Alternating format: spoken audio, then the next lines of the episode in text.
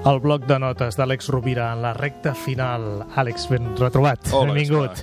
Uh, L'Àlex uh, és, entre moltes altres coses, és un gran fotògraf. T'agrada molt, t'apassiona la fotografia. M'agrada Eh, molt, el, i- el, el, efectivament, la fotografia dels paisatges m'agrada Sí, molt. Esclar. exacte. Molt. I, I ho dic perquè els oients que vulguin, que vulguin veure aquestes fotografies poden anar a Instagram i seguir-lo a través d'Instagram, en què de vegades l'Àlex no només eh, pot copsar uns paisatges meravellosos, sinó que ho rubrica amb uns petits textos eh, que, que són molt bonics i que, i, i que m'agradaria comentar algun d'ells. Un d'ells diu que estem fets de capes, que som com els paisatges al capvespre, capes, dius, de records, d'emocions que ens defineixen, clarobscurs, matisos. I és, I és veritat que, bé, tots ho sabem, no?, que estem fets de capes, però no en prenem consciència, ens costa prendre consciència. Ens costa prendre consciència i, eventualment, quelcom que potser és més important, que és acceptar l'ambivalència entre aquestes diferents capes. Um, tenim la capa que ve del principi del plaer, allò que volem, que desitgem, els nostres anels, il·lusions. Uh, li podríem dir la capa de la nena o el nen interior que tots portem a dins. No? Després hi ha la capa del self, del principi de realitat, no?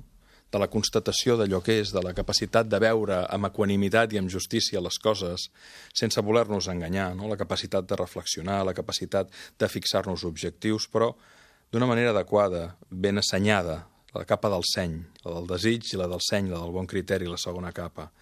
I després hi hauria la capa del, del, del sentit del deure, la capa d'allò que creiem que és bo, d'allò que s'ha de fer. Fins i tot en aquesta capa estaria tot allò que hem, hem rebut de les nostres figures eh, parentals, maternals, la mare, el pare, els avis. I aquests, aquestes tres capes, no? el desig, la il·lusió, el principi de realitat i el sentit del deure conviuen amb nosaltres. I el que és més interessant, Gaspar, és constatar com moltes vegades els bloquejos de la realització d'un ésser humà, la incapacitat de tirar endavant, es produeixen quan dos, especialment el sentit del deure i el principi del plaer, entren en col·lisió.